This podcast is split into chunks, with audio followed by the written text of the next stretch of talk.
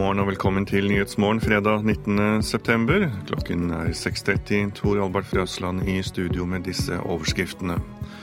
Uavhengighetsvalget i Skottland inn i spennende sluttspurt. Resultatene fra valgkrets etter valgkrets tikker inn. Skottlands største by, Glasgow, stemte ja til uavhengighet, men prognoser viser at flertallet av skottene har stemt nei til uavhengighet fra Storbritannia. Oljeselskapenes kutt i dag kan gi kostnadsboom om få år. Norsk sokkel kommer til å ha flere plattformer enn noensinne og flere rigger enn noensinne i løpet av et par-tre år. Slik at aktivitetsnivået totalt sett skal fortsatt oppover. Det sa Jaran Rystad i Rystad Energy. Og journalister i fagpressen sier at de har opplevd å få en artikkel stoppet etter inngripen fra Fagbladets eier. Ja, Skottland eh, vil ikke løsrive seg fra Storbritannia. Ifølge BBCs prognose vil nei-siden vinne klart i den skotske folkeavstemningen. Litt over halvparten av stemmene er eh, hittil talt opp, og nei-siden leder stort med 54% Yes, 9195. No, 10,544. Rejected papers, 19. Det første resultatet kom inn ved halv to-tiden i natt norsk tid. Det ble et nei til løsrivelse. Men som det er vanlig ved slike opptellinger, er det de minste kretsene som først melder fra. Og det er det totale antall ja- eller nei-stemmer som vil avgjøre. De store, avgjørende kretsene kommer senere. Det betyr at spenningen fortsatt er til stede, til tross for at alle meningsmålinger i forkant tydet på et knapt flertall mot løsrivelse. It, it's horrendous. It's like um, four or five World Cup games piled on top of each other. Det er helt forferdelig, sier en skotte som følger hendelsene på en storskjerm i en bar. Det er som fem verdensmesterskap i fotball på toppen av hverandre. Han har på seg en T-skjorte der det står at skottene trenger sin frihet, men etter hvert som resultatene kommer inn, blir det mindre og mindre sannsynlig. I, David Dorward, counting officer appointed for the Dundee City local government area. Så kom Dundee, en av de store. Dundee gikk til ja-siden. Folkene i Dundee ville ha et fritt og uavhengig Skottland. I hvert fall er det tydelig flertall for det. Det sa reporter Halvard Sandberg. Tidligere Storbritannia-korrespondent Anette Groth, velkommen og god morgen. God morgen. Det ser ut til at Skottland altså blir værende som en del av Storbritannia, i alle fall ut fra de valgkretsene som er talt opp eh, så langt. Hvor overraskende er dette? Nei, det er jo ikke veldig overraskende. De aller fleste meningsmålingene har jo vist et eh, nei-flertall. Men det var jo det rare som skjedde, at etter at det hadde vært et solid nei-flertall i mange måneder, så for uh, halvannen, snart to uker siden, så kom den første ja-målingen, og gapet ble tettet. Uh, men de siste dagene nå så har det jo vært uh, et nei-flertall. og det er nok usikkerheten hos mange velgere som har gjort at det endte med et såpass klart ja. Men For å ta tak i dette med ja-siden. Den har vært veldig, og kanskje mest synlig i skal vi kalle det, valgkampen. Og så taper de. Hvorfor? Fordi det er for mange ubesvarte spørsmål. Det, er, eh, det har jo vært en del av nei-kampanjens eh, taktikk det å si at vi vet ikke hva som skjer, vi vet hva vi har. Det er trygt. Og jeg tror at veldig mange, når de har stått der inne i, eh, i stemmeboksen og kanskje ikke har bestemt seg veldig på forhånd, så tenker de at vi vet ikke hva som kommer. Nå, nå stemmer vi nei fordi vi vet hva vi har. Og Altså alle disse tingene som har vært nevnt. Valuta, Forsvaret, hva skjer med det? EU, Nato, kan man bli medlemmer der?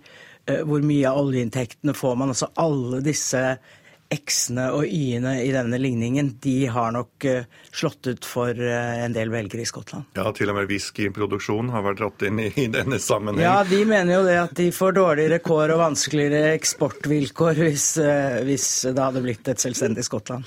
Men Glasgow, som jeg nevnte innledningsvis, som er den største byen i Skottland, de stemte ja til selvstendighet.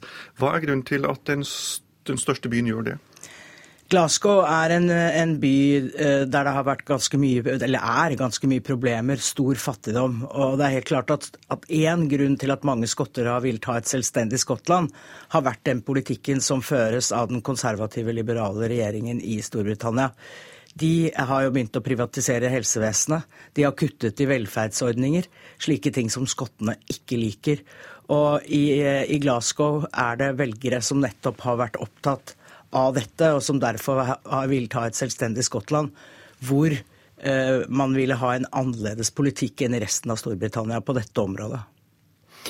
Det har, jo, unnskyld, det har jo fra Storbritannias side nærmest blitt lovet gull og grønne skoger dersom Skottland eh, fortsatt eh, blir en del. Hvordan blir veien videre for Skottland nå, da? Ja, de, alle de andre partilederne har lovet uh, Skottland mye, og særlig nå den siste uken. Uh, det var jo nesten en litt panikkartet handling etter at uh, det så ut til at det kunne bli et ja-flertall. De har lovet dem mer penger. De har lovet dem større innflytelse over politikk som jeg nettopp nevnte, sånn som velferdsordninger og helsevesen. Ehm, de har jo allerede skottene et ganske, ganske, sterkt selvstyre, men de ville altså få enda mer. Nå er det litt uklart om Labour og de konservative og de liberale er enige her om hva Skottland skal få, så dette blir nok også eh, en debatt i tiden som kommer. Men at de må få noe mer selvstyre, det er klart etter alt som ble lovet de siste par ukene. Ja, De må innfri, med andre ord? Ja, det må de. Det, det, hvis ikke så tror jeg de, de, får problemer. Det er jo ganske voldsomt. De har skrevet store brev sammen som har stått på forsiden av skotske aviser, hvor de, som du sier, lover om ikke gull og grønne skoger, så iallfall ganske mye. Takk skal du ha, Anette Groth, vår tidligere Storbritannia-korrespondent. Hvor du bor, det avgjør om du blir tatt for økonomisk kriminalitet. Det bekymrer nemlig Politidirektoratet, skriver VG. I et brev til Justisdepartementet skriver de at det er store forskjeller i hvordan politiets såkalte økoteam jobber og oppklarer saker rundt om i landet. FN setter i gang en ny plan mot det dødelige ebolaviruset i slutten av måneden. Det bestemte Sikkerhetsrådet i går kveld. I en enstemmig resolusjon kaller Sikkerhetsrådet ebolautbruddet for en trussel mot internasjonal fred og sikkerhet. Nå om oljeselskapene, for det de kutter i dag kan gi kostnadsboom om få år. Det mener flere bransjeanalytikere NRK har snakket med.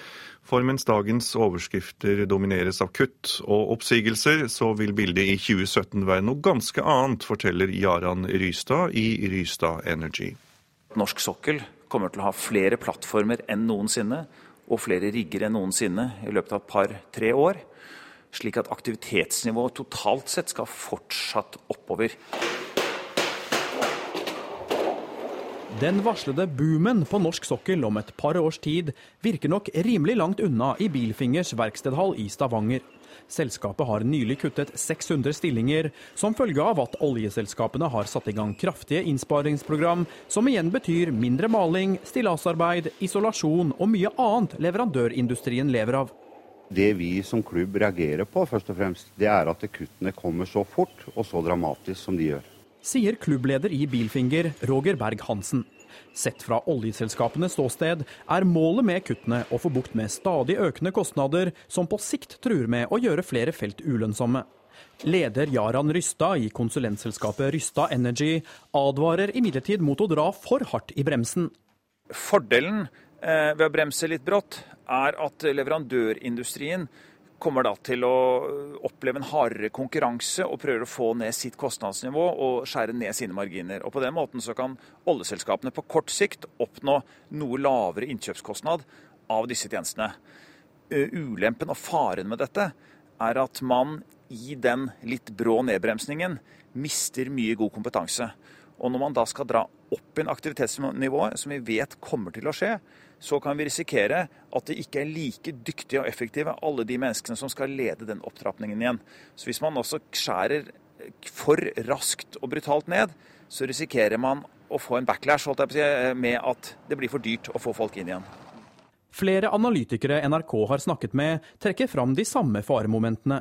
Informasjonsdirektør i Statoil, Jannik Lindbekk, sier selskapet er klar over risikoen for at dagens innsparinger kan slå tilbake. Og Det er et viktig eh, poeng. Eh, og Derfor er vi veldig opptatt av å sikre at det vi gjør nå ikke blir et skippertak, men derimot er egnet til å sikre varig forbedring av vår effektivitet. Eh, og Bare dersom vi lykkes med det, kan vi unngå at vi faller tilbake til gamle synder om to år og får en ny kostnadsvekst. Reporter var eh, Halvard Norum. Skal vi titte litt på hva noen aviser har på forsiden? Ny satsing fra nyttår skal gi kreftsyke tidligere diagnose, kortere tidsfrister og raskere behandling, skriver Aftenposten. Pasientene vil også få innsyn i om tidsfristene overholdes. Norge kommer til å bidra mer militært i Irak. Det tror Prion-direktør Christian Berg Harpviken, og han tror også at operasjonen i Irak blir lang, skriver Dagsavisen. Norge sender fem norske offiserer til bekjempelsen av IS i Irak. SV er det eneste parti som er imot at Norge deltar militært i bekjempelsen av IS, skriver Klassekampen. Både SV og Miljøpartiet De Grønne var ikke til stede på møtet i Stortingets utvidede utenrikskomité da Norge gikk til krig, skriver avisen. Fremskrittspartiet har lagt ned oljefondet, det kan vi lese i Dagens Næringsliv. Men det er altså da partiets hjemmeside oljefondet.no som har fortalt at fondet egentlig burde vært organisert annerledes, som nå ikke eksisterer mer etter at KrF og Venstre ba partiet stenge hjemmesiden. Generalsekretær i Kirkens verdensråd beklager at det er begått vold mot urfolk i misjonens tjeneste, skriver Vårt Land. Norsk kylling har forsvunnet, forteller Nasjonen. Siste rest av norsk fjørfeavl voktes på Vam videregående skole i Akershus, etter at den norske kyllingen for 20 år siden ble erstattet av utenlandske varianter. Entra eiendom skal børsnoteres, og det gir en honorarfest til 200 millioner kroner. Og dersom staten velger å selge seg ned i selskapet, er det ventet at aksjer for rundt 6 milliarder skal plasseres i markedet, skriver Finansavisen. Stadig flere overlever hjerteinfarkt. Diagnosen stilles raskere i dag, og åtte av ti overlever infarktet, skriver Dagbladet. Eivind maktet ikke å søke om erstatning for en ødelagt barndom på barnehjem innen fristen. Beklager, men slik er det, svarer Stavanger kommune i Stavanger Aftenblad. Sport nå. Kampfiksing bekjemper vi ved å samarbeide over landegrensene. Det sier kulturminister Toril Vidvei, som i går skrev under på en konvensjon mot dette i regi av Europarådet. Vidvei sier at vi nå må ta oppgjøret mot fikserne av kampene. Det er kjempeviktig å intensivere arbeidet mot kampfiksing. Den 4. august i år spilte spanske Deportivo Ponferradina en treningskamp mot portugisiske Freamonde.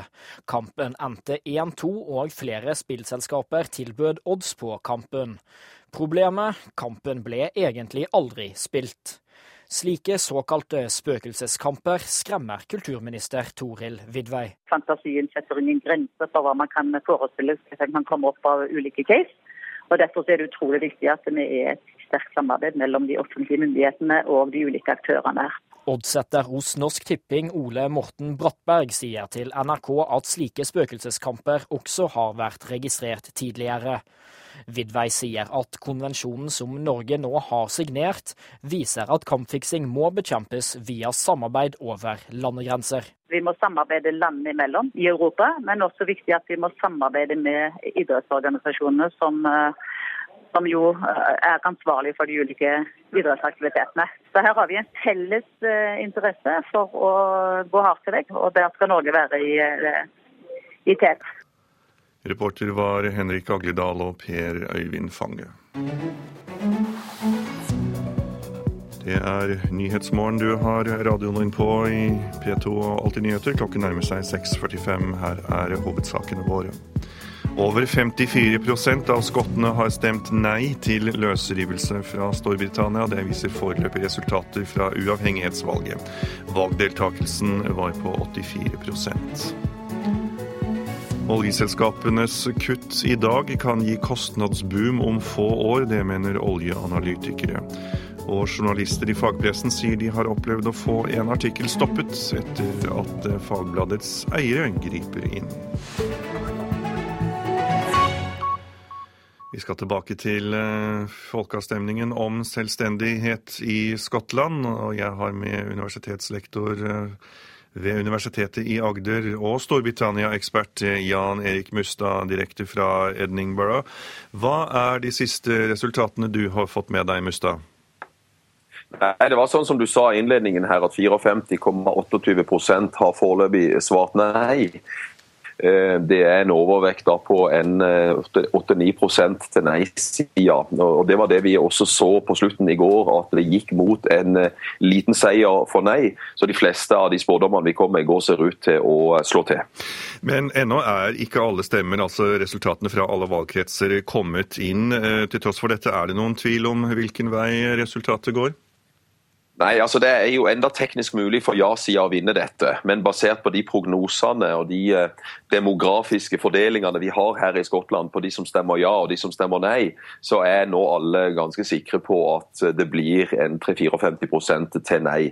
Så eh, både David Cameron, statsministeren fra, fra London, og eh, Alex Salmon, førsteministeren i Skottland, har mer eller mindre tweeta her i, i morgentimene nå om at de ser kampen som avgjort akkurat nå. Men eh, til tross for dette så stemte også eh, den største byen i Skottland, Glasgow, eh, de stemte for å gå ut av unionen. Er dette et slags by-land? Altså byene vil bli selvstendige, mens distriktene vil bli værende som en del av Storbritannia? Altså, Vi visste lenge at Glasgow kom til å si ja. Eh, det var, det var forhåndsgitt. Edinburgh skal akkurat nå leses opp og kommer til å stemme ganske godt nei. Eh, så her har vi en forskjell mellom Edinburgh og Glasgow. Edinburgh er jo en by hvor det er mye rike, mye øvre middelklasse, mye penger. Og de eh, var også tippa å bli mot nei. Mens Glasgow er mye arbeiderklasseområder, mye tradisjonell arbeiderklasseindustri. har har, eh, har vært i, i, Glasgow. og Derfor så regnet man med at Glasgow kom til å si ja. Så Det er regionale forskjeller. Det er ikke en direkte by-land-forskjell, men det er regionale forskjeller. Så Glasgow har vært den klareste ja-en, og det var også det vi tippa på forhånd at Glasgow ville bli. Og så blir Edinburgh nei. Og du er i Edinburgh eh, nå, og som du sier, resultatene derfra skal eh, leses opp. Eh, eller det er kanskje i ferd med å bli det akkurat nå. Men du har i alle fall vært i byen noen dager og snakket med masse mennesker. Har du merket mm. noe stemningsskifte siden du kom? Ja, eh, vi har det. For vi har sett at eh, det var jo et momentum forrige uke mot et ja. Der kom noen meningsmålinger. Eh, partilederne i London i de tre store partiene de fikk litt panikk. De reiste til, til, til Skottland og begynte en ganske aggressiv valgkamp for, for nei-sida her oppe. Så kom vi inn i denne uka her, og så har vi da sett etter at vi kom at det har vært et lite stemningsskifte fra et knapt flertall for ja til et knapt flertall Eh, for nei. Eh, så, så, det var ganske elektrisk da vi kom her, for da lå det litt og vippa mellom ja og nei. Og så har det på en måte eh, de siste dagene blitt klarere og klarere at dette kom til å bli en 3-54 til nei-sida, og det ser ut til å, å slå til akkurat det. Og så har valgdeltagelsen vært uh, høy, langt over 80% Hvordan var stemningen utenfor stemmelokalene i går? Nei, det, det, var veldig spennende å stå utenfor stemmelokalene. for Da vi spurte folk da de kom ut hva de hadde stemt, eh, så var det veldig mange som ikke ville si hva de hadde stemt. Og Da, da var vi ganske klare på at de hadde stemt nei. Eh, de var ikke så utadvendte. De ville gjerne holde det for seg sjøl. De ville ikke flagge på noen som helst slags måte at de hadde stemt nei. Mens de som hadde stemt ja, de ropte og de skrålte og, og, og var veldig positive i forhold til å, å fortelle oss hvorfor de hadde stemt ja.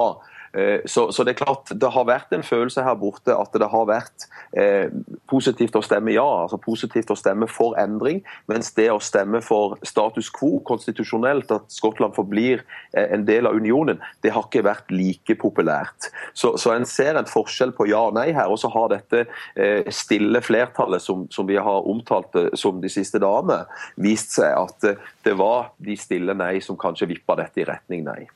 Takk, Jan Erik Mustad, universitetslektor ved Universitetet i Agder. Forfatteren og dramatikeren Peter Hanke vil bli møtt av demonstranter utenfor Nationaltheatret søndag, når han kommer for å motta den internasjonale Ibsenprisen. Hanke er kontroversiell, bl.a. fordi han har hatt, uh, tatt det serbiske statsoverhodet Slobodan Milosevic i forsvar. Det bosniske miljøet her til lands mener det er en skandale at Norge står bak en slik tildeling. Ville gjerne. Noe er blitt umulig. Noe annet er blitt mulig. Annen, et annet som Han er en av de ledende dramatikerne i Europa, Peter Hanke. Her tolka av Radioteatret i stykket 'Kaspar'. Men han er også politisk aktiv, og kritikken har hagla etter at det ble kjent at Hanke blir tildelt den internasjonale Ibsenprisen på 2,5 millioner kroner. Det er forholdet østerrikeren har til den tidligere presidenten i Serbia, Slobodan Milosevic, kritikerne trekker fram og da særlig den talen Peter Hanke holdt i begravelsen til krigsforbryteren. Ifølge Wikipedia sa han dette. Den såkalte verden kjenner sannheten. Det er grunnen til at den såkalte verden ikke er til stede her i dag. Og ikke bare i dag, og ikke bare her. Jeg kjenner ikke sannheten, men jeg ser. Jeg lytter. Jeg føler. Jeg husker. Derfor er jeg her i dag, nær Jugoslavia, nært Serbia, nært Slobodan Milosevic. Det bosniske miljøet i Norge reagerer kraftig på at Peter Hanke får en pris som er oppretta av den norske stat. En skam for Norge, mener talsmann for Bosnia-Hercegovina-forbundet i Norge, Edin Kadribegovic. Søndag planlegger de en demonstrasjon når Peter Hanke kommer til Nationaltheatret i Oslo for å ta imot Ibsenprisen. Jeg tror ikke de som er for å gi Hanke prisen, skjønner uh, hvor store ringvirkninger det, det har å hedre, å hedre en mann som, som igjen hedrer uh, ultranasjonalister i Serbia. Men reaksjonene stopper ikke der. Å gi Ibsenprisen til en mann som støtter folkemord er skandale, og juryen bør gå av, mener professor i statsvitenskap Bernt Hagtvedt. Det er veldig autoritært å gi en sånn pris i Ibsens ånd til en mann som støtter folkemordiske regimer, og så nekte å delta i en offentlig drøfting av saken. Det er så vidt jeg skjønner bare mulig i kulturlivet. Det ville vært utenkelig i vitenskapelige sammenhenger eller politiske sammenhenger. Det er ren amatørskap, og juryen bør skiftes ut med en annen jury snarest mulig. Det som er stridens kjerne her, er jo hvorvidt de handlingene og holdningene som Peter Hanke har stått for, er av en slik karakter at de diskvalifiserer ham. Det sier juryleder Per Boje Hansen. Han vil ikke diskutere prisutdelinga før den er overstått søndag. Vi mener jo da selvfølgelig at mange av de påstandene som nå kommer fram, ikke er rimelige. Men det å gå inn i en diskusjon rundt enkelte av disse påstandene blir vanskelig, for da blir det en diskusjon ikke om det prinsipielle, om han har gjort seg fortjent til prisen eller ikke, men da blir det en diskusjon om de ulike påstandene eller om de ulike holdningene til Peter Hanke. Og om de kan det herske forskjellige meninger. Norsk-bosniske Kadribegovic håper den fredelige demonstrasjonen søndag får Hanke til å levere prisen tilbake. Håper at utfallet vil bli at han uh, sier fra seg prisen som han tidligere har gjort, med Heinrich Heinen-prisen. Og under prisutdelingen på søndag blir kulturministeren fraværende, for hun er utenbys på vigsling av ny biskop i Tunsberg bispedømme og sender en statssekretær til Nationaltheatret. Reporter var Ann Finstad og Torkil Torsvik. Organisasjonen Fagpressen er overrasket over funnene i en ny undersøkelse om redaksjonell frihet. Blant annet svarer 12% av journalistene i fagpressen at de har opplevd å få en artikkel stoppet etter inngripen fra Fagbladets eier. Det tyder jo på at eh, det kan være behov for en fornya debatt om eh, både redaktørplakat og ikke minst hvordan eh, den blir praktisert ja, i de ulike miljøene. Sier leder i hovedorganisasjonen Unio, Anders Folkestad. For, eh, for da høres det ut som en iallfall nærmer seg eh, ei, eh, om ikke ufri, så iallfall et innskrenka handlingsrom for eh, redaksjonene i eh, slike blad. Fagpressen er medlemsorganisasjonen for 230 fagblad i Norge. Hos Sykepleierforbundets medlemmer dumper f.eks. bladet Sykepleieren ned i postkassa, mens medlemmer av Norsk Fysioterapeutforbund får tilsendt bladet Fysioterapeuten elleve ganger i året. I undersøkelsen laga for Journalistforum, som er forumet for journalistene i fagpressen, går det også fram at 35% av journalistene har drevet selvsensur til fordel for bladets eiere. Administrerende direktør i fagpressen, Elin Floberghagen, er overraska over tallene. Jeg er overrasket fordi at eh, de eh, sakene vi får inn her, i liten grad har gått på disse, disse, områdene.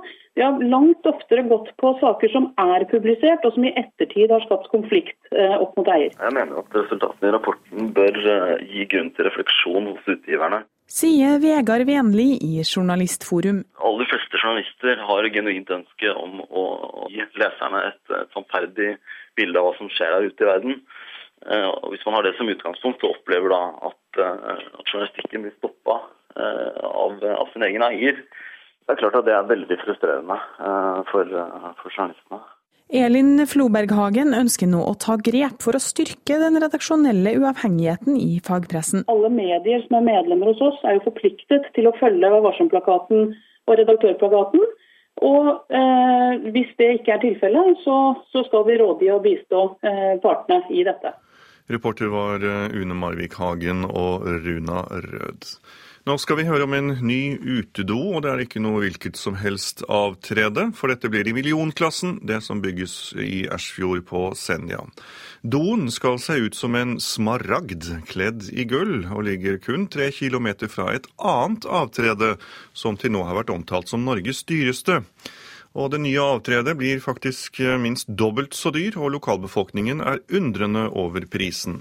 Forhåpentligvis blir det fint, men det er for dyrt. Jeg kunne heller brukt noe av de pengene på vedlikehold av veien. Jeg syns det er bare kjempebra de får et skikkelig do. Om det koster flere millioner, det gjør ingenting. Meningene er som baken. De er delte i synet om det er verdt å lage det som nå blir omtalt som Norges dyreste utedo i Ersfjord. Jeg syns det er kjempebra. Jeg syns det er et flott prosjekt som uh, føyer seg ganske fint inn i den helheten som Nasjonal turistvei har skapt her på yttersida. Ja, den nye fasiliteten blir en attraksjon på den nasjonale turistveien på Senja. Det sier Hugo Fagermo i Statens vegvesen. Utedassen koster netto tre millioner kroner. Og så kommer det da moms til. Og vips er prisen opp i nesten fire millioner. Kostnadene fremkommer jo fordi at det er arkitekttegna, og det kan jo kanskje virke dyrt. Men prisen er som skit og ingenting å regne når man tenker på opplevelsen folk som ferdes langs veien der Nydassen står, ved vakre Ersfjordstranda. Dette blir vakkert, sier Hugo Fagermo. Når vi nå får eh, dekorert eh, utvendig med aluminiumsskingel i gullfarge, som eh, er beskrevet i kontrakten, så vi er spent på hvordan det blir, men vi har veldig god tro på at det blir veldig flott. For Ersjordstranda har jo i, i egenskap av å være en av de fineste strendene på Senja, stor, stor besøkelse av eh, både innbyggere, lokale, besøk av turister, eh, utlendinger, og trenger et toalett bare i egenskap av det. Reporter var Nils Meren. Så er det værvarselet for i dag. Fjellet i Sør-Norge. Skiftende bris, opphold og perioder med sol og lokal morgentåke. Østland og Telemark skiftende på kysten nordøstlig bris. Lokal tåke først på dagen, ellers opphold og perioder med sol. Agder for østlig bris, periodevis frisk bris på kysten av Vest-Agder. Lokal tåke først på dagen, ellers lett skyet pent vær. Rogaland sørøst bris, opp i frisk bris på kysten i sør og stort sett pent vær. Hordaland får sørøst bris, stort sett pent vær. Sogn og Fjordane Sør- og sørøst bris fra i ettermiddag sørvest periodevis frisk bris ved Stad. Lokal tåke eller lave tåkeskyer på kysten i nord først på dagen, ellers pent vær. Møre og Romsdal og Trøndelag får sør- og sørøst bris fra i kveld sørvest opp i frisk bris på kysten. Lokal tåke først på dagen, ellers stort sett pent vær. I kveld litt spredt regn nord for Trondheimsfjorden. Nordland skiftende på kysten nordøstlig bris, delvis skyet oppholdsvær. Fra i ettermiddag sørvest periodevis liten kuling utsatte steder i ytre strøk. I kveld regn fra sør. Troms får delvis skyet perioder med sol, i kveld tilskyende. På Finnmark blir det enkelte regnbyger på kysten i nord, ellers lett skyet pent vær. Og på, på Nordensjøland på Spitsbergen blir det um, snøbyger. Morgentemperaturene målt klokken fem. Svalbard lufthavn minus én. Kirkenes to. Alta minus én. Tromsø-Langnes én. Bodø ni. Brønnøysund åtte. Trondheim-Værnes ti. Molde ni. Flesland åtte. Stavanger 13. Kjevik 11. Gardermoen fem. Og Blindern i Oslo åtte.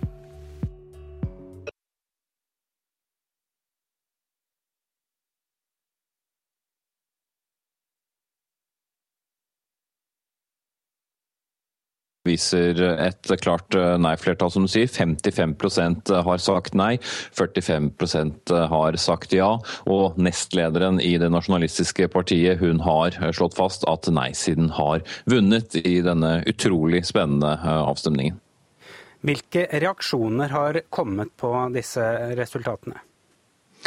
Ja, allerede har statsminister David Cameron uh, vært ute på Twitter og sagt at han har snakket med lederen av Bedre sammen-kampanjen, Alice Darling, og gratulert ham på en, uh, en velkjempet kampanje, som han sier.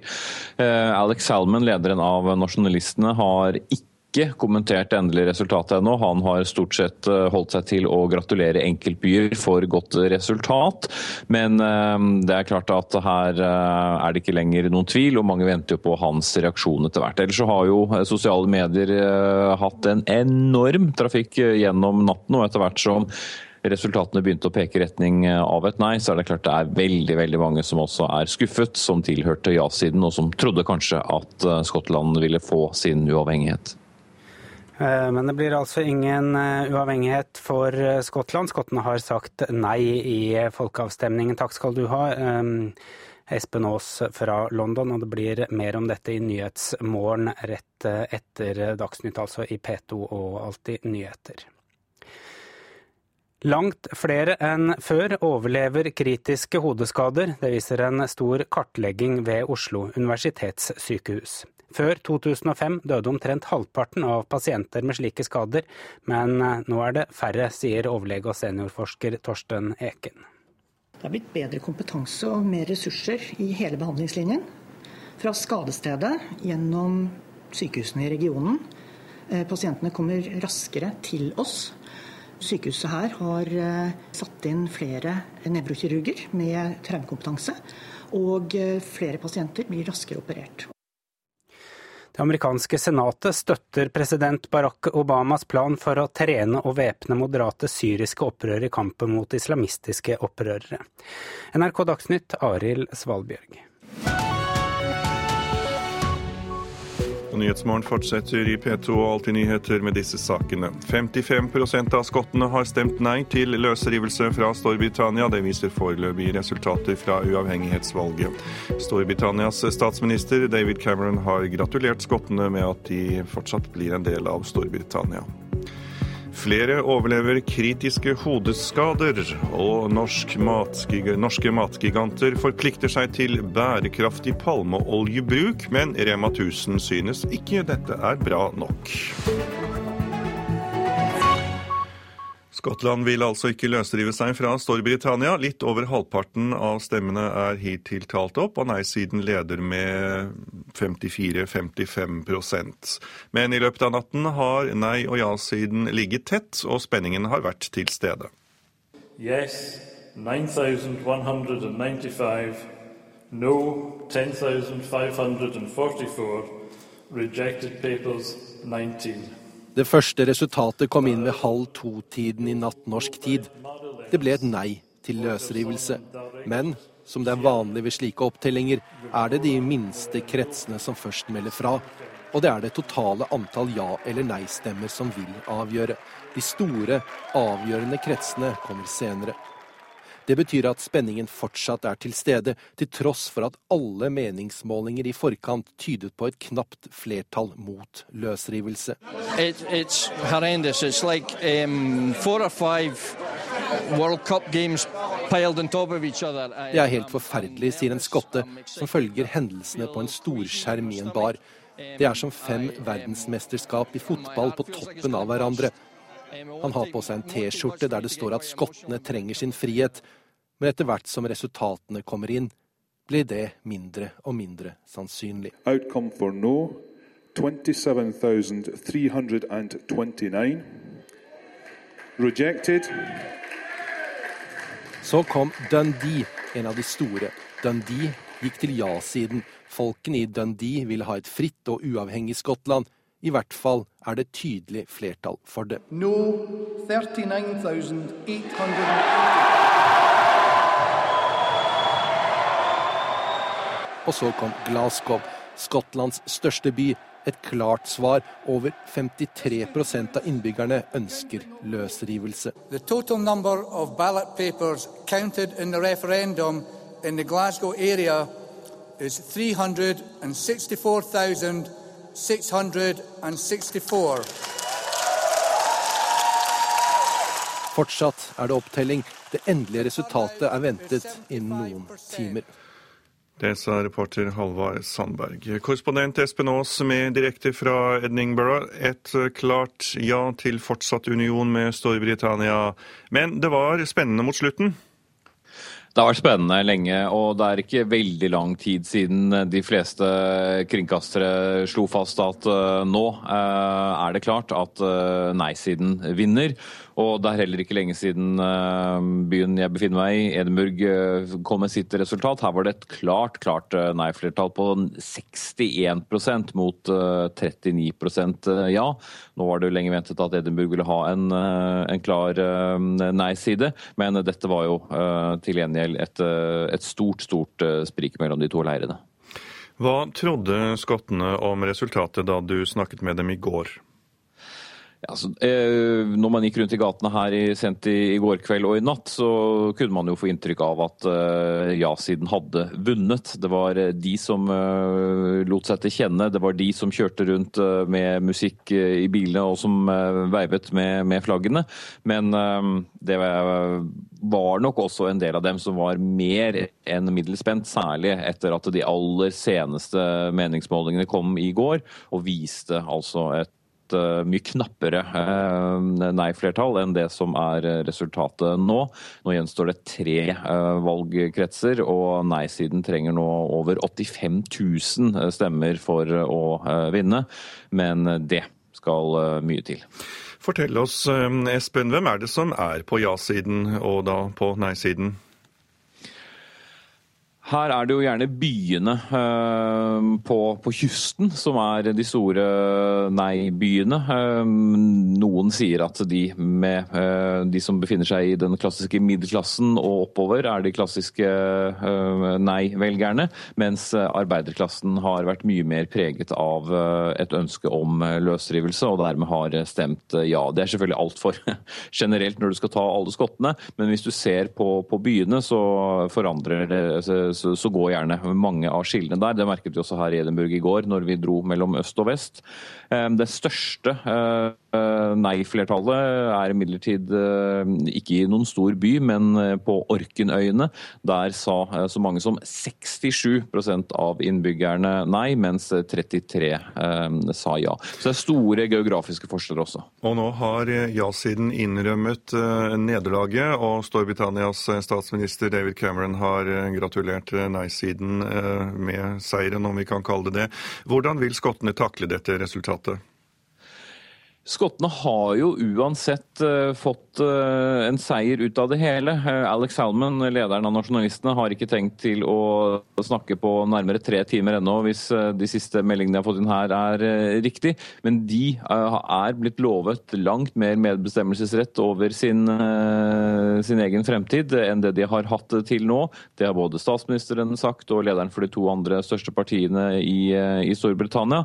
Så at Skottland blir forandret, det er det ingen tvil om, og det vil vel eh, trolig døyve en del på smerten hos de som ønsket seg så veldig.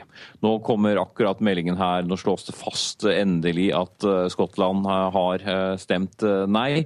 Nå er det ikke lenger noen mulighet for at det kan bli noe ja-flertall, og det er etter at 30 av de 32 valgkretsene er uh, talt opp. Ja-siden fikk 45% mens nei-siden fikk 10 prosentpoeng mer, 55 da, unnskyld, da slår vi fast uh, det. Takk skal du ha så langt, uh, Storbritannia-korrespondent uh, Espen Aas. Da er det altså slått fast eh, at eh, Skottland blir en del av eh, Storbritannia, og det har vært valgvake her i Norge. For skotter her til lands har fulgt avstemningen tett. Reporter Marit Gjelland, du er på skotsk valgvake i Oslo. Resultatet er nå altså da nettopp slått fast. Hvordan er stemningen der du er? Jo, her, eh, det, her, lukter det i hvert fall frokost. fordi her venter vi på at eh, de første gjestene skal komme. Det er Sarah Dallas, Dallas eh, Prosser. Du har bodd i 16 år her i Norge, men du er skotsk. Og det venter, venter gjester. Hvordan, hvordan er stemninga nå, tror du, nå som det er klart at det blir nei? Ja, Stemningen er litt sånn Jeg tror det blir mange som er skuffet, selvfølgelig. ikke sant? Og jeg tror særlig den ja-siden som har engasjert seg så sånn dyp og så lidenskapelig, og det har vært så mye debatt i to år nå for de ja-siden. Litt mindre kanskje for den nei-siden. Og jeg tror det kommer være kjempeskuffelsen for, for, de fleste i Skottland som, som har engasjert seg så syn, synlig. ikke sant? Men selvfølgelig, den ja-siden blir lettet, tror jeg, mer av følelse enn uh, ja, Du tenker ja-sida, altså de som, eh, de som, Hvem er det du tenker på når du tenker ja-sida? Ja, siden av de som hadde lyst for selvstendighet og, og selvstyre. ikke sant? Og trodde at den var løsningen til med selvstyre og med representasjon i Skottland. Jeg tror det er mange på nei-siden som også har veldig lyst til at uh, Skottland også skal være mer synlig og ha litt sånn mer sånn lokaldemokrati. Men at, at helt selvstendige nasjoner ikke kanskje er en løsning til akkurat det. Så jeg tror det blir litt sånn mer nyansert enn bare en sånn svart-hvitt ja-nei-følelse. Men um, en stor lettelse for den nei-siden. Hvordan er det du har fulgt med på, eh, på valgkampen? Den har jo vært lang? ja, det har vært veldig langt. ikke sant? Det har gått i to år nå. Jeg, jeg har fulgt med hele vei. så både fra, fra Norge jeg har fulgt med på sosiale medier. Og den ja-siden har vært veldig flink til å ta til å sette i gang grasrotebevegelse. Så man føler både Bella Caledonia og, og The Common Wheel og alle disse bevegelser som skjer i Skottland. Og så har jeg vært tilbake mye også, jeg har familie der. Og så nå i sommer var jeg der i Tuke, og det er en følelse av alle, alle. Hver eneste samtale handler om akkurat dette. ikke sant? Så det er tydelig at jeg, jeg har følt litt sånn ensom på en måte her i Norge. Det har vært veldig sent at folk har begynt å vise en interesse for det. I går var det en debatt i går kveld på Kulturhistorisk museum, og det var så deilig å treffe folk. Og her kommer også gjestene etter hvert. Jeg venter at det skal komme 20-30 mennesker. Grunnstykkene står i ovnen, og marmeladen står klar. Det høres nydelig ut. Eh, takk skal du ha, reporter eh, Marit eh, Gjelland. Klokken er straks 13 minutter over sju. Det er Nyhetsmorgen du har radioen din på. Dette er hovedsakene. 55% av skottene har stemt nei til løsrivelse fra Storbritannia. Det blir eh, antakeligvis resultatet fra uavhengighetsvalget. Og Straks skal vi høre at flere overlever kritiske hodeskader, og at norske matgiganter forplikter seg til bærekraftig palmeoljebruk. Men Rema 1000 synes dette ikke er bra nok. Langt flere enn før overlever kritiske hodeskader. Det viser en stor kartlegging gjort ved Oslo universitetssykehus. Forbedringer på en rekke områder ligger bak, mener legene. 28 år gamle André Berg var døden nær etter et sykkeluhell for noen år siden. Jeg sykla en bratt bakke, så bremsa jeg litt brått. Så drar jeg med hodet først, rett i steinreis. Og så ble jeg lagt i kunstig koma i to måneder. Så etter våkna jeg som en baby. De siste åra har stadig flere alvorlig skadde pasienter blitt fraktet til akuttmottaket ved Oslo universitetssykehus, som har ansvaret for mer enn halve Norges befolkning. Hodeskader er den viktigste årsaken til at folk dør på sykehus etter ulykker. Men nå er det langt flere som overlever. Vi ser en svær forbedring i behandlingsresultatet for pasienter med kritiske hodeskader. Før 2005 døde omtrent halvparten av de som kom til oss. Nå er det under tredjeparten som dør. Det sier overlege og seniorforsker Torsten Eken, som har undersøkt hvordan det har gått med flere tusen alvorlig skadde pasienter. Han peker på en rekke forbedringer som har skjedd i behandlingen. Vi har fått bedre kompetanse på skadestedet og i sykehusene rundt i regionen. Det er raskere overflytting av pasientene til oss. Sykehuset her har eh, satt inn flere nevrokirurger med traumekompetanse.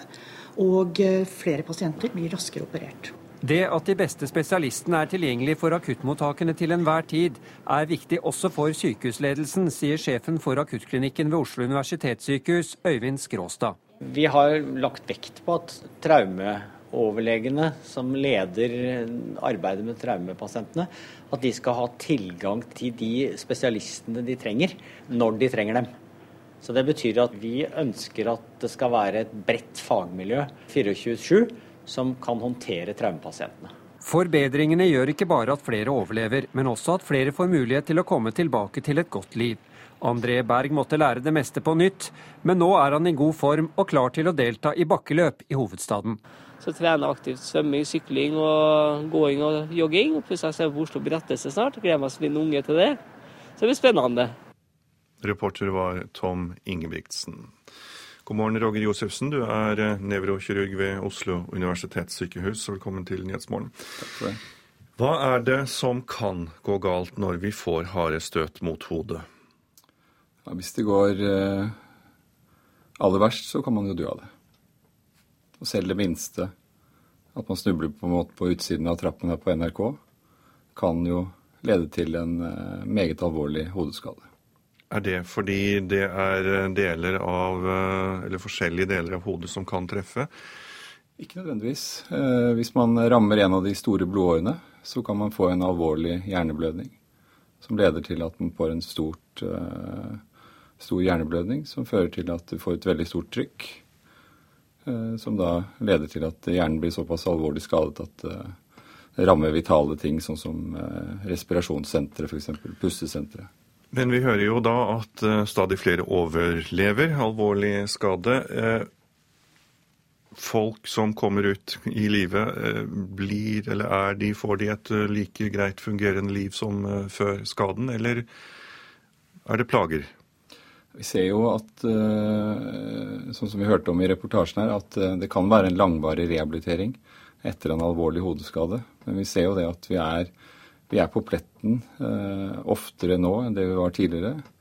Vi har et eh, kompetent team som eh, starter hver eneste dag. Som skiftes hver eneste dag. Og vi har på en måte kompetente mennesker som jobber med dette hele tiden. Slik at vi kan på en måte behandle dem fra de kommer inn i mottagelsen og helt til de da skrives ut til enten rehabilitering på sykehuset eller på spesialiserte rehabiliteringsinstitusjoner. Ja, du sier at dere er på pletten. Det vil si at uh, flere nevrokirurger er på vakt. At dette bidrar til uh, forklaringen på hvorfor uh, flere da overlever. Hvordan merker dere denne endringen? Vi merker det jo Altså, jeg har jobbet på dette sykehuset snart i 15 år. Og jeg har på en måte vært igjennom et generasjonsskifte. Så sykehuset har jo på en måte satset på nevrokirurgi. Så på den ene måten så merker vi at vi har mer å gjøre.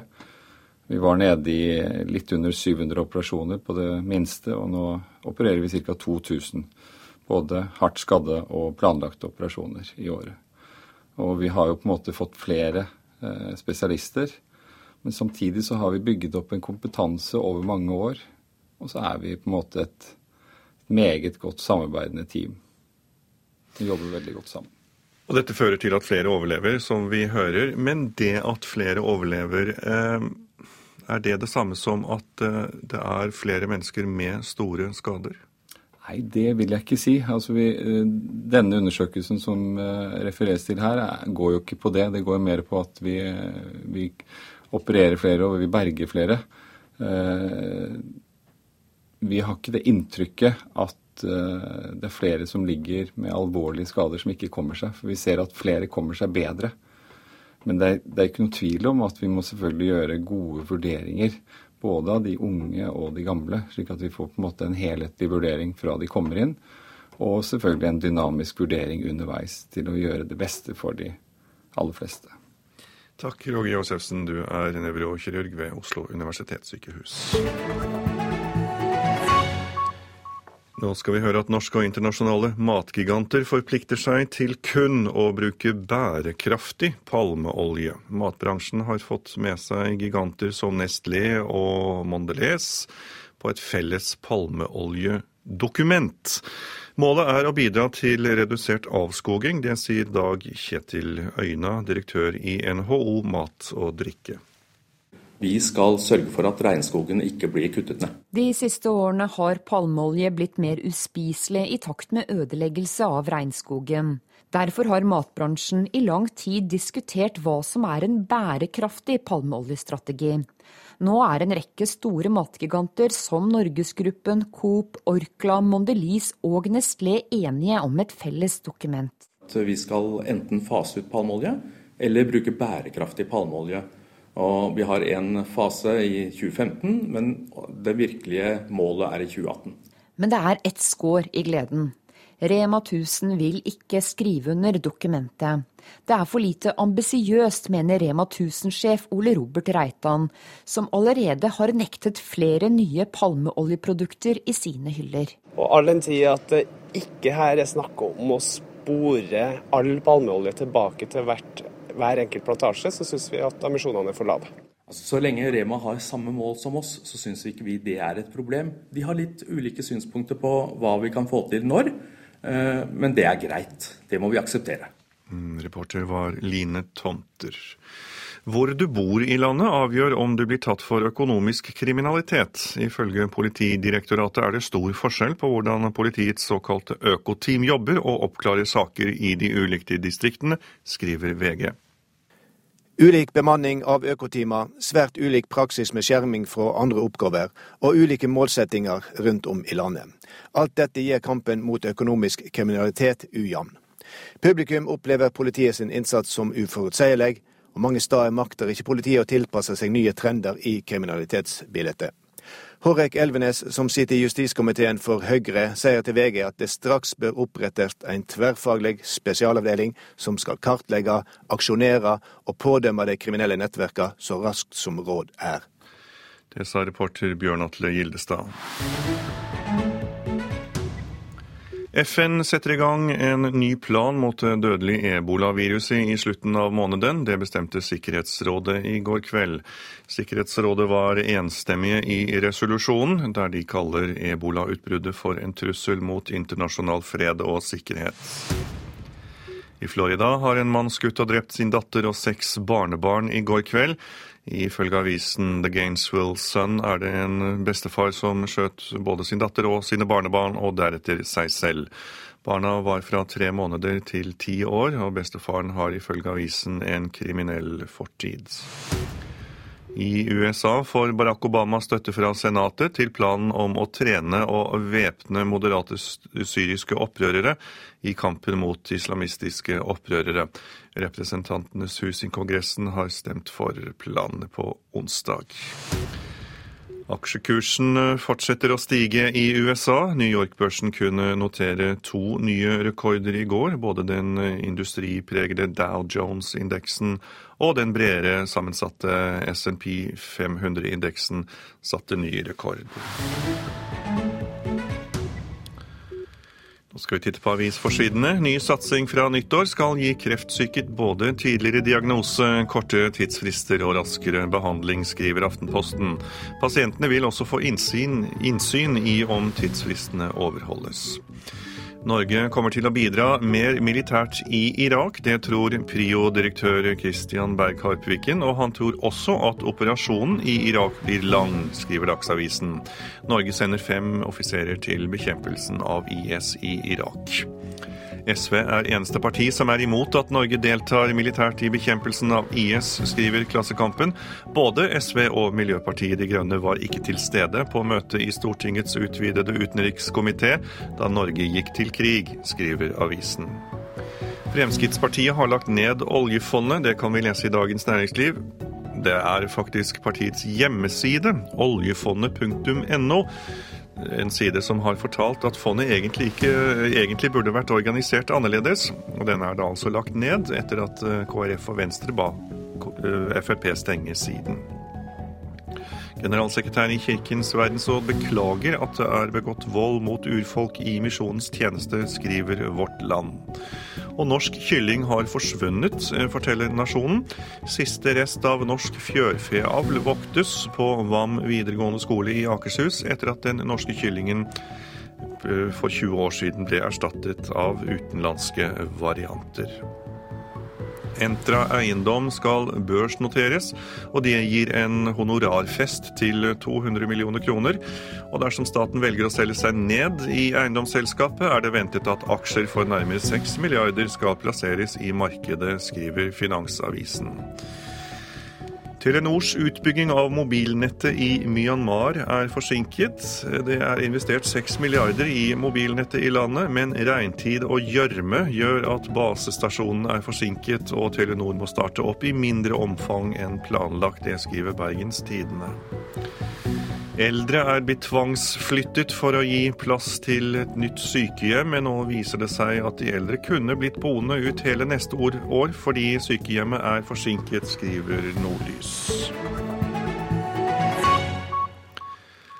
Forrige søndag ble norsk kål løftet frem som supermat i NRK-programmet Folkeopplysningen.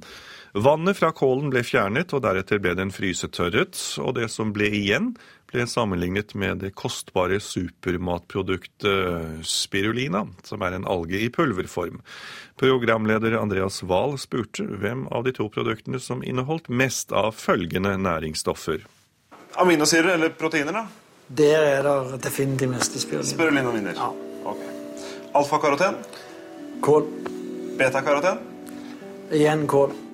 Resultatet av testen ble at kålpulveret kom ut som bedre enn spirulina på de fleste næringsverdiene. Kål. Her er jo da høstkål, og den går det en del av nå. Og det tror vi er, det er pga. fårikålen. I Skarstad gartneri i Kongsvinger så bugner det av blodferske grønnsaker. Og det er høysesong for kål, sier Grete Skarstad. Her, men her har vi grønnkålen. Det er det siste. Det er jo egentlig en gammel grønnsak, men den har uh, fått en oppblomstring igjen nå, for nå er det visstnok forska på den. Hvis du spiser tre blader grønnkål eh, om dagen, så får de deg alt du trenger. Var det en eh, kjent Smart. matblogger som hadde uttalt. Så, men jeg kan ikke dokumentere det, da. Men det er veldig næringsrikt. Det er, det er noe som uh, har kommet igjen nå, altså. Veldig. Og i Amerika er de visst helt gærne. Kale kaller de det der. Altså Merker dere hvis det har vært noe TV-program eller det har vært noe blogger? Eller ja, det gjør vi. Det, da, da, ser vi det. Blant annet nå så ser du på rødbeter. Det òg er en litt sånn gammelmannsgrønnsak, uh, ikke sant. Men nå så ser du den reklamen på TV-en hvor de uh, baker rotgrønnsaker. Og der legger de rødbeter på. Så nå er det mange som tar med seg én og to rødbeter. Som aldri ville gjort det ellers, antar jeg. Så det, det er sånn du ser, altså. Men hvis statens kostholdsråd blir for vanskelig for deg, hvis du er ute etter en superenkel løsning, så finnes det faktisk én rett du kan leve på hele livet. Tusen takk. Så alt vi trenger til frokost, lunsj, middag, kvelds, resten av livet, det er Lever og kål. Denne nydelige retten her. Lever og kål. Lever og kål er supermaten. Det er det nærmeste vi kommer noe du kan leve av alene. Hvorvidt TV-programmet Folkeopplysningen i samme grad som fårikålsesongen har bidratt til økt salg av kål den siste halvannen uka, er umulig å si. Men sikkert er det at kålsalget har økt. Det viser både årsstatistikk fra SSB, tall fra Bama og lokale matforretninger. Bama har den siste uka økt omsetningen av kål med 60% Meny og Coop Mega i Kongsvinger med mellom 50 og 60 men folk på gata i Kongsvinger var lite kjent med kål som supermat. Jeg syns det er rart han kaller kål for plutselig supermat, som all annen sunn mat. Oi, ja, nei, jeg har ikke tenkt spesielt på kål om det, da. Nei, det er jo ikke så rart. Det er jo grønt. Grønt er jo noe av det sunneste du kan gi til kroppen. Grete Skarstad liker godt at kål har fått betegnelsen supermat. Det er litt spennende, faktisk. Det syns jeg. Vi hørte jo en gang at det er egentlig den viktigste grønnsaken vi har da, kan, i Norge. For den kan dyrkes over hele landet. Og dyrkes stort sett over hele landet òg, for den tåler det klimaet vi har. Og brukes til andre ting også enn å spise? spise? Ja, det gjør det. det er, de sier jo det fra gammelt av. Og det er faktisk folk innom her og handler uh, kål fordi de skal ha det på sår som ikke gror. Og det er et gammelt, gammelt kjerringråd som vi har hørt i alle år. Altså, jeg har aldri prøvd det sjøl, men så hurra for kålen. Hurra for kålen. Reporter var Vera Wold. Det er Nyhetsmorgen du lytter til. I reportasjen etter Dagsnytt skal du høre om FNs høstsesjon som starter tidligere denne uken. I Politisk kvarter kommer statsministeren for å snakke om Norges bidrag til bekjempelsen av IS. Produsent for Nyhetsmorgen Marit Selmer Nedreli. I studio Tor Albert Frøsland.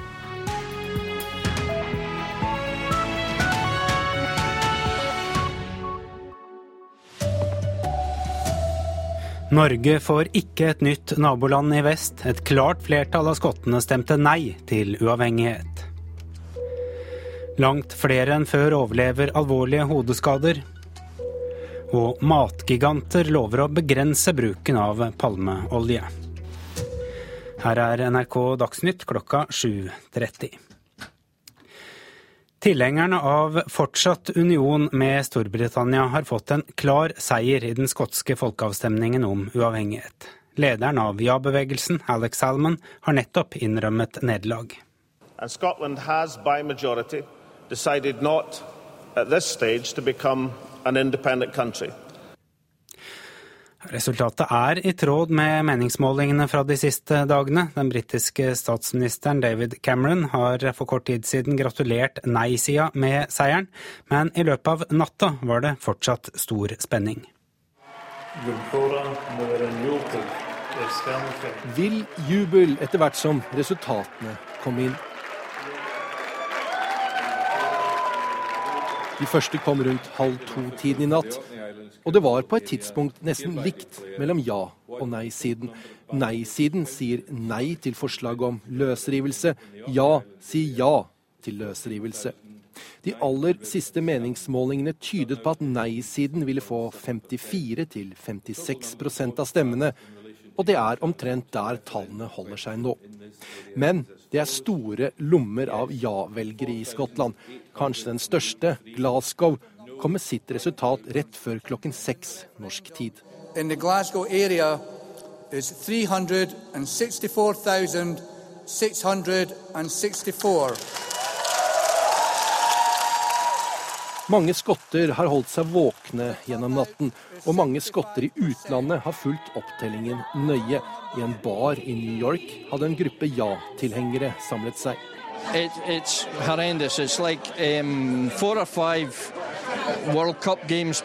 Dette er helt forferdelig, sier en utenlandsskotte med en T-skjorte der det står at Skottland trenger sin frihet. Men det holdt ikke. For hver ja-krets som meldte seg, så meldte minst én krets at deres resultat var nei. Etter hvert ble overvekten for stor. Skottland skal fortsatt være en del av Storbritannia. Her sa reporter Halvard Sandberg. NRK-korrespondent Espen Aas, du er i Edinburgh. Og hvorfor ble det nei til skotsk uavhengighet? Jeg tror den siste uh, store avgjørende tingen i denne, i denne, avstemningen var rett og slett da det kom såpass mange lovnader både fra statsministeren og de andre partilederne om at skottene skulle få økt uh, medbestemmelsesrett. Så tenkte mange at OK, vi kan fortsatt være briter, men vi vil også få lov til å bestemme mer om vår fremtid. det var nok til sjuende og sist det som vippet mange av etikervelgerne over på et nei. Hvordan har dette resultatet blitt mottatt? Det er klart det er stor skuffelse. Selv befinner jeg meg jo i Edinburgh, som er en, en nei-by, hvor det var en stor overvekt av nei. 61% sa nei. Men andre steder så er det klart at skuffelsen er veldig stor. Og Alex Salman, som holdt en tale nå bare for kort tid siden, var åpenbart også skuffet. Men han sa at nå skal vi gå videre som én nasjon. Men advarte også politikerne i Westminster om at de skal holde løftene sine, og at innen kort tid skal begynne å forklare ytterligere ytterligere hva slags ekstra medbestemmelsesrett og selvbestemmelse som skottene skal få. Vi hørte om et klart ja til uavhengighet i den andre store byen i Skottland, Glasgow. Hvorfor er det så stor forskjell mellom distriktene i landet? Eh, når det gjelder de store byene, så ser du ganske klart at eh, byer med større andel fattige, folk som har eh, en mindre privilegert bakgrunn, der har nasjonalismen virket mye sterkere. Der har ønsket om å få lov til å kalle seg skotter vært langt større. Der i byer som da Edinburgh som sagt, og også Aberdeen, den store oljebyen her i Skottland, så har andelen vært mye klarere for fortsatt å være i Storbritannia. Takk skal du ha, korrespondent eh, Espen Aas. Skotter her i landet har fulgt eh, folkeavstemningen i Skottland tett. Reporter Marit Gjelland, du er på en skotsk valgfrokost i Oslo. Ehm, hvordan er stemningen der? Her har vi nettopp starta å kutte brødet, for de aller første gjestene har eh, kommet. Og foreløpig så er det mest nordmenn altså, som er her. Ehm, det er, Stemninga er ganske god. Det lukter kaffe og deilig nybakt eh, brød. Og en av dem som nettopp har eh, stått opp, det er Nelly Prosser. Du bor her, og mammaen din er skotsk, og snart skal du på skolen. Men eh, du har fått med deg resultatet, har du ikke det? Ja. ja. Og jeg er litt skuffet. Du ble skuffa? Hvorfor det? Eller hæ? Ble du skuffa? um, har du, har du, fulgt med litt på denne valgkampen? Jeg har fulgt med litt, men jeg, ikke, jeg, forstår ikke absolutt alt. Jeg er litt sånn Men du heia på én eh, side, gjorde du ikke det? Ja, jeg heier på Jeg heier for ja. Jeg håper det Jeg er for. Men det ble jo ikke for, og da er det en litt sånn skuffa ja. Nelly som skal på skolen senere i dag. Men eh, er du på gråten? Nei, Nei, det er jeg ikke. og her kommer det skotter etter eh, enda flere skotter etter hvert. Og om noen av dem er på gråten, det vil tida vise. Det håper vi ikke. Takk skal du ha, reporter eh, Marit Gjelland fra valgfrokost i Oslo.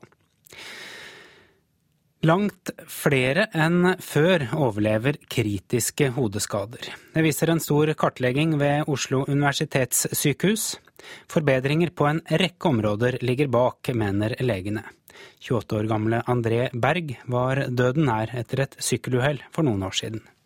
Jeg sykla en bratt bakke, så bremsa jeg litt brått. Så drar jeg med hodet først, rett i steinrøys. Og så ble jeg lagt i kunstig koma i to måneder. Så etter våkna jeg som en baby. De siste åra har stadig flere alvorlig skadde pasienter blitt fraktet til akuttmottaket ved Oslo universitetssykehus, som har ansvaret for mer enn halve Norges befolkning. Hodeskader er den viktigste årsaken til at folk dør på sykehus etter ulykker. Men nå er det langt flere som overlever. Vi ser en svær forbedring i behandlingsresultatet for pasienter med kritiske hodeskader. Før 2005 døde omtrent halvparten av de som kom til oss. Nå er det under tredjeparten som dør. Det sier overlege og seniorforsker Torsten Eken, som har undersøkt hvordan det har gått med flere tusen alvorlig skadde pasienter. Han peker på en rekke forbedringer som har skjedd i behandlingen. Vi har fått bedre kompetanse på skadestedet og i sykehusene rundt i regionen. Det er raskere overflytting av pasientene til oss. Sykehuset her har eh, satt inn flere nevrokirurger med traumekompetanse. Og eh, flere pasienter blir raskere operert. Forbedringene gjør ikke bare at flere overlever, men også at flere får mulighet til å komme tilbake til et godt liv. André Berg måtte lære det meste på nytt, men nå er han i god form og klar til å delta i bakkeløp i hovedstaden.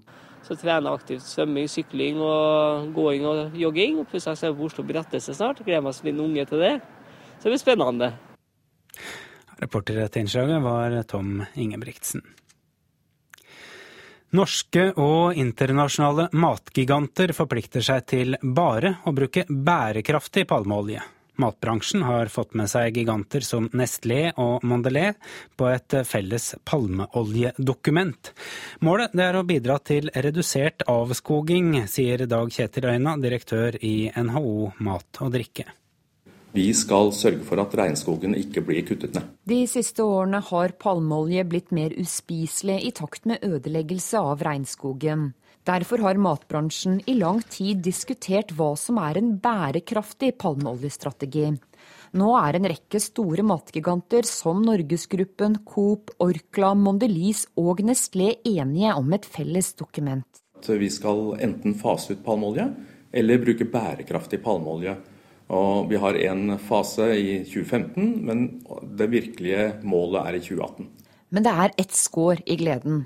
Rema 1000 vil ikke skrive under dokumentet. Det er for lite ambisiøst, mener Rema 1000-sjef Ole Robert Reitan, som allerede har nektet flere nye palmeoljeprodukter i sine hyller. Og all den tid at det ikke her er snakk om å spore all palmeolje tilbake til hvert, hver enkelt plantasje, så syns vi at ambisjonene er for lave. Altså, så lenge Rema har samme mål som oss, så syns ikke vi det er et problem. De har litt ulike synspunkter på hva vi kan få til når. Eh, men det er greit. Det må vi akseptere.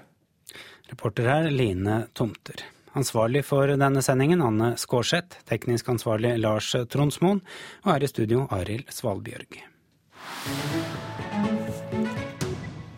Og her i Nyhetsmorgen skal det handle om eh, FN, for i dag avholdes det viktige møter i FN-bygningen i New York. Både i Sikkerhetsrådet og i hovedforsamlingen, som er den 69. i rekken, og som åpnet tidligere denne uken. Men mange mener at FN er et byråkratisk pengesluk som ikke får utrettet noen verdens ting. Men samtidig så vet ingen om et bedre alternativ, og det skrives historie når verdenslederne samles i FN. I'm convinced that this 69th session of the General Assembly could be the most consequential in a generation and for a generation. Kanskje den viktigste sesjonen på lenge, sa generalsekretær Ban Ki-moon ved åpningen av den 69. hovedforsamlingen denne uken. På dagsorden står Ukraina og Syria, sammen med det nye globale initiativet mot IS, som skal diskuteres i Sikkerhetsrådet i dag. Andre temaer og konflikter som ebola og fattigdom, klima og menneskerettigheter, narkoterror og utdanning med mer vil bli tatt opp. Og ikke minst den evige gjengangeren interne FN-reformer, ifølge Sam Kotesa, hovedforsamlingens president.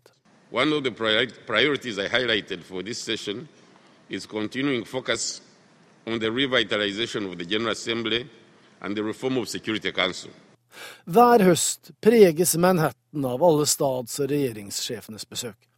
Gatene er avsperret, mens limousiner med skuddsikkert glass haster frem og tilbake med blålyseskorte og væpnede vakter. Demonstrantene og kameraene er på plass, det er sikkerhetssjekker og kontrollposter. Blaserte New Yorkere som er mer opptatt av hvor de skal parkere enn av verdensfreden, opplever dette bare som køer og kaos, håpløshet og helvete. Hell. It is the most annoying. I don't know what the UN does except cause chaos. Men for politikere, historikere og journalister med flere kan FN være en drøm. Det har vært mange eksempler på at det er i FN det skjer. Og slik har det vært siden Trygve Lie ble verdensorganisasjonens første generalsekretær i februar 1946. 46 voters uh, answered yes and three no. Mr. Lee is therefore elected Secretary General of the United Nations.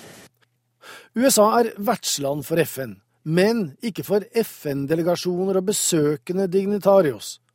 Men de som skal være med på møter i FN, de lander i USA, noe som gir amerikanerne anledning til å bli kjent med folk de er nysgjerrige på, som i 1960. Cuba's Fidel Castro arrives at New York's Idlewild Field. Castro utmerket seg for øvrig å holde den lengste talen som noensinne er holdt fra FNs talerstol. Fire og en halv time, i stedet for de tilmålte 15 minutter.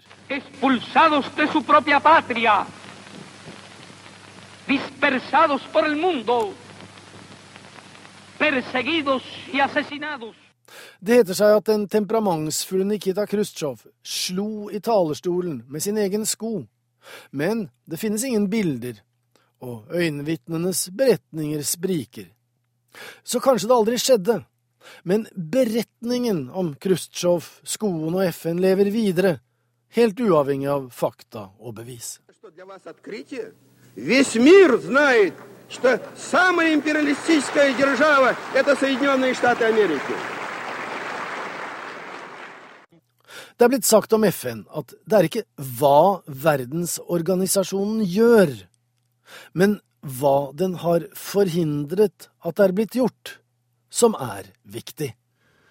Det sa reporter Joar Hoel Larsen. Og hovedsakene her i Nyhetsmorgen det er at et klart flertall av skottene sier nei til løsrivelse fra Storbritannia. Over 55% av dem som har stemt, sier nei til uavhengighet. Og Storbritannias statsminister har gratulert nei-siden med resultatet. Oljeselskapenes kutt i dag kan gi kostnadsboom om få år. Det mener oljeanalytikere. Stadig flere overlever eh, kritiske og alvorlige hodeskader. Forbedringer på en rekke områder ligger bak, mener legene. Nå får du straks Politisk kvarter. Per Arne Bjerke er programleder.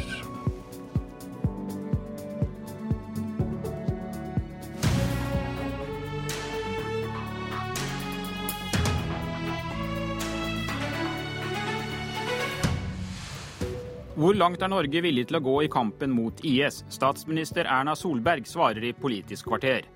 Og Senterpartilederen vil skyte ulv i ulvesonen. Useriøst, sier Venstres Guri Melby. I går besluttet regjeringen at fem norske offiserer skal være med og planlegge eventuelle militære aksjoner mot IS, den islamske staten. I første omgang reiser offiserene til USA. Senere kan de bli sendt til baser i Midtøsten. Og statsminister Erna Solberg, hvorfor er det nødvendig for Norge å bidra med militært mannskap i kampen mot IS?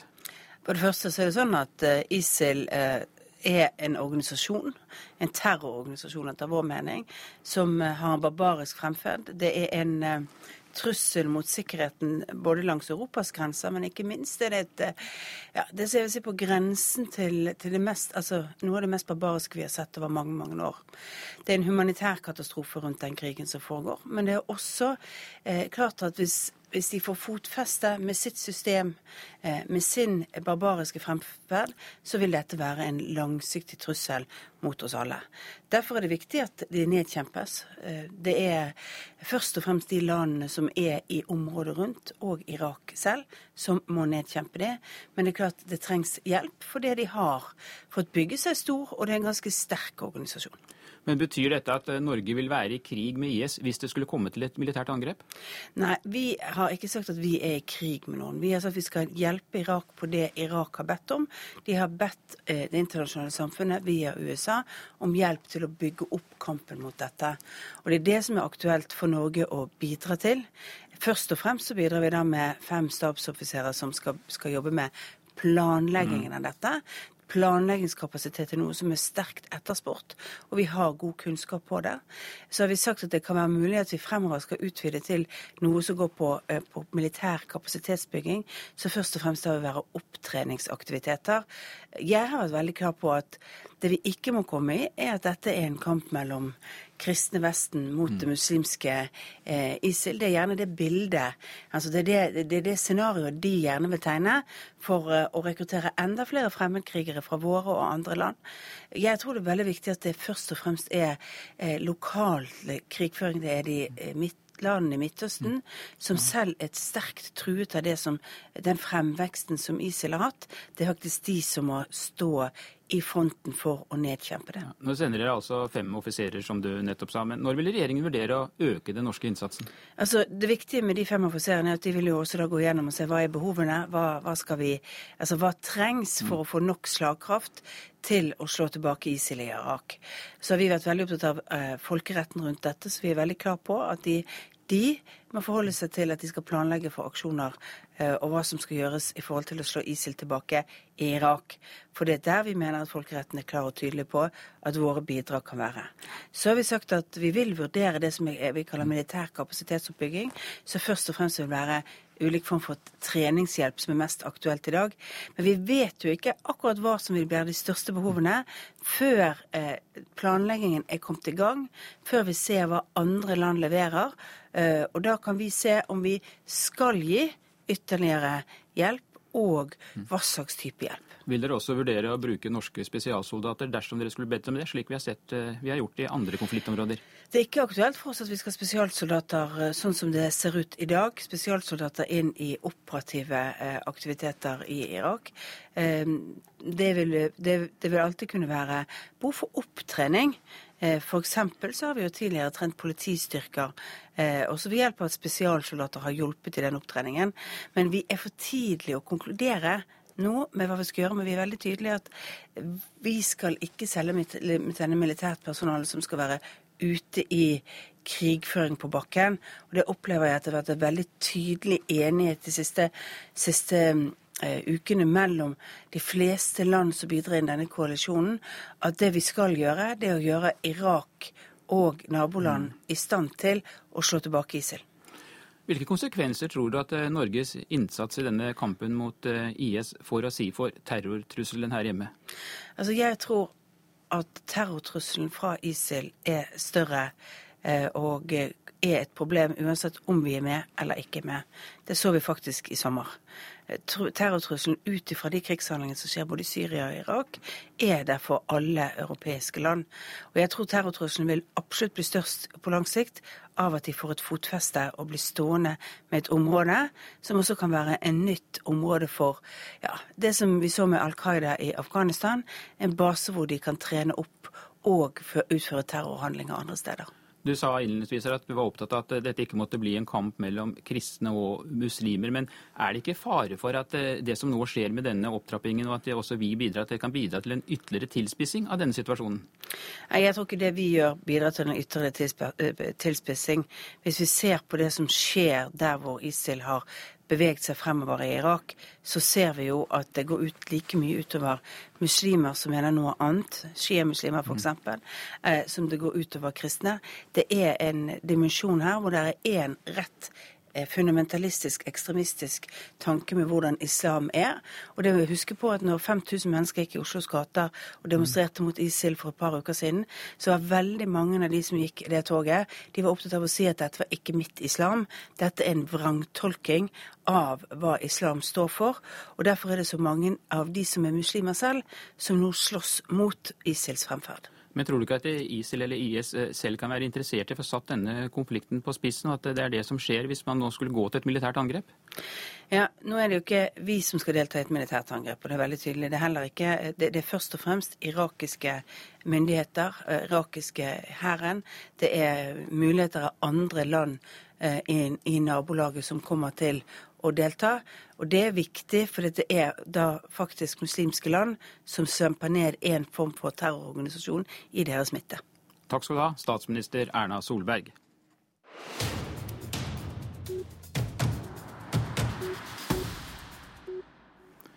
Denne uka har Senterpartileder Trygve Slagsvold Vedum vært på turné i ulvesonen i Hedmark, Akershus og Østfold og konkludert med at det må skytes flere ulv. Hvorfor mener du det, Slagsvold Vedum, med meg fra studio i Elverum? Det er fordi at vi har oppnådd bestandsmålet for ulv nå hvert år siden 2010, og at eh, antallet grenseulv eh, øker hvert eneste år. Så det er Derfor bør man også innenfor ulvesonen, der det er størst utfordringer, størst konflikt, kunne åpne for jakt. Også noe av det som har skapt mest konflikt, det er jo at man har opplevd at eh, flere og flere ulv har blitt mindre folkesky og er mer nærgående på folk, på hus og tar mer hund. Og Da mener jeg at det vil være klokt å åpne for jakt også der, eh, nettopp for å få en mer naturlig atferd også hos ulven.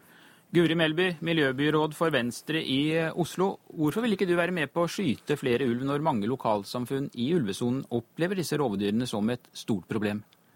Eh, Dette er en sak som handler om Norges ansvar for å ta vare på biologisk mangfold og ta vare på dyr som naturlig hører til her. Vi har inngått internasjonale forpliktelser. Eh, og Vi ser jo på rovdyrforliket som en måte å nå de internasjonale forpliktelsene. og Det er en av grunnene til at Venstre var med på rovdyrforliket. Selv om det er en del elementer der som vi ikke er enig i, sånn som jeg også da forstår Senterpartiet er, så handler det om å ha levedyktige bestander av de fire store rovdyrene i Norge. Og nettopp dette tiltaket med å ha en sånn ulvesone, eh, det ser vi på som et av de viktigste tiltakene for å ha en levedyktig bestand av ulv i Norge, for å ha de ynglingene som vi har satt oss som mål at vi skal ha. Og når Senterpartiet nå går ut og foreslår at vi skal skyte ulv innenfor ulvesonen, det eneste området der ulven har forrang foran beitenæringa, så mener jeg at det er et brudd på rovdyrforliket, og at eh, Slagsvold Vedum sin signatur på det forliket ikke er verdt blekket som det er skrevet med. Slagsvold Vedum, Hvorfor kan dere ikke stå fast på dette rovdyrforliket som dere også skrev under, i likhet med alle andre partier i 2011, så vidt jeg husker i farten? Ja, jeg var en av hovedaktørene bak det forliket og signerte det forliket. Og nå er du ikke enig i det? Jo, det er nettopp det jeg er. For i det rovdyrforliket så står det at vi skal eh, komme tilbake igjen til ulv, for det ble ikke konkludert med der. Eh, Man skulle først gå en runde med svenske myndigheter, og så skulle man diskutere eh, etter den runden hvordan vi skulle forvalte ulven, den finsk-russiske ulven.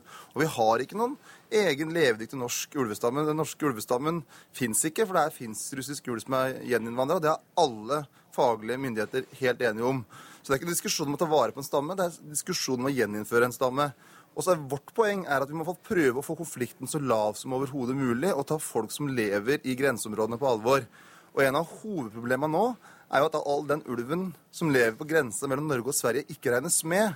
Så vi sier ofte at i Norge har vi ca. 30 finsk-russiske ulver.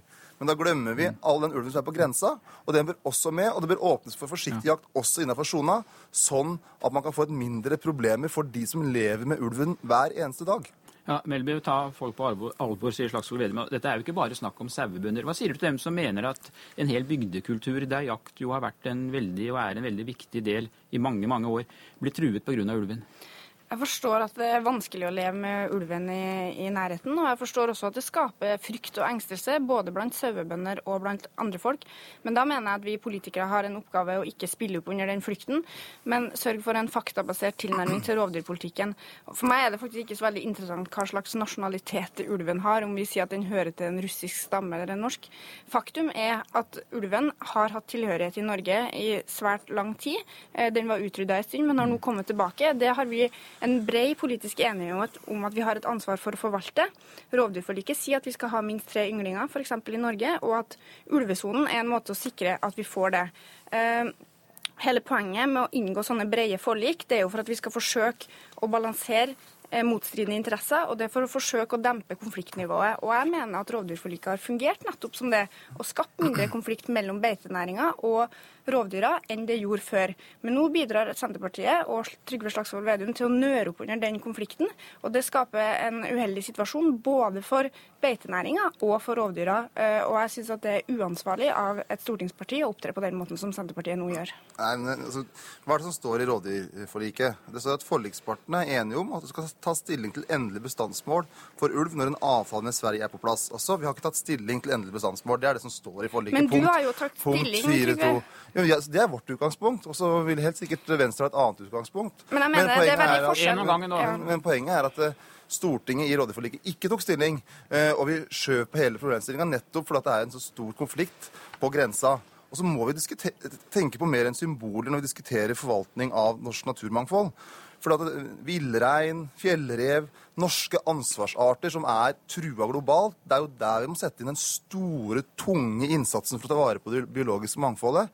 Altså den, den, norske ulven som vi har i Norge, det er en, noen få eksemplarer av den finsk-russiske ulven som det er titusener av hvis du går litt lenger øst. Så det er ikke noe trua art, men det har vært et viktig ja. symbol og et ønske om gjeninnføring. Og så er vårt poeng at det er ikke jeg som skaper konflikten. Konflikten er reell i mange lokalsamfunn, og da må vi ta den konflikten på alvor.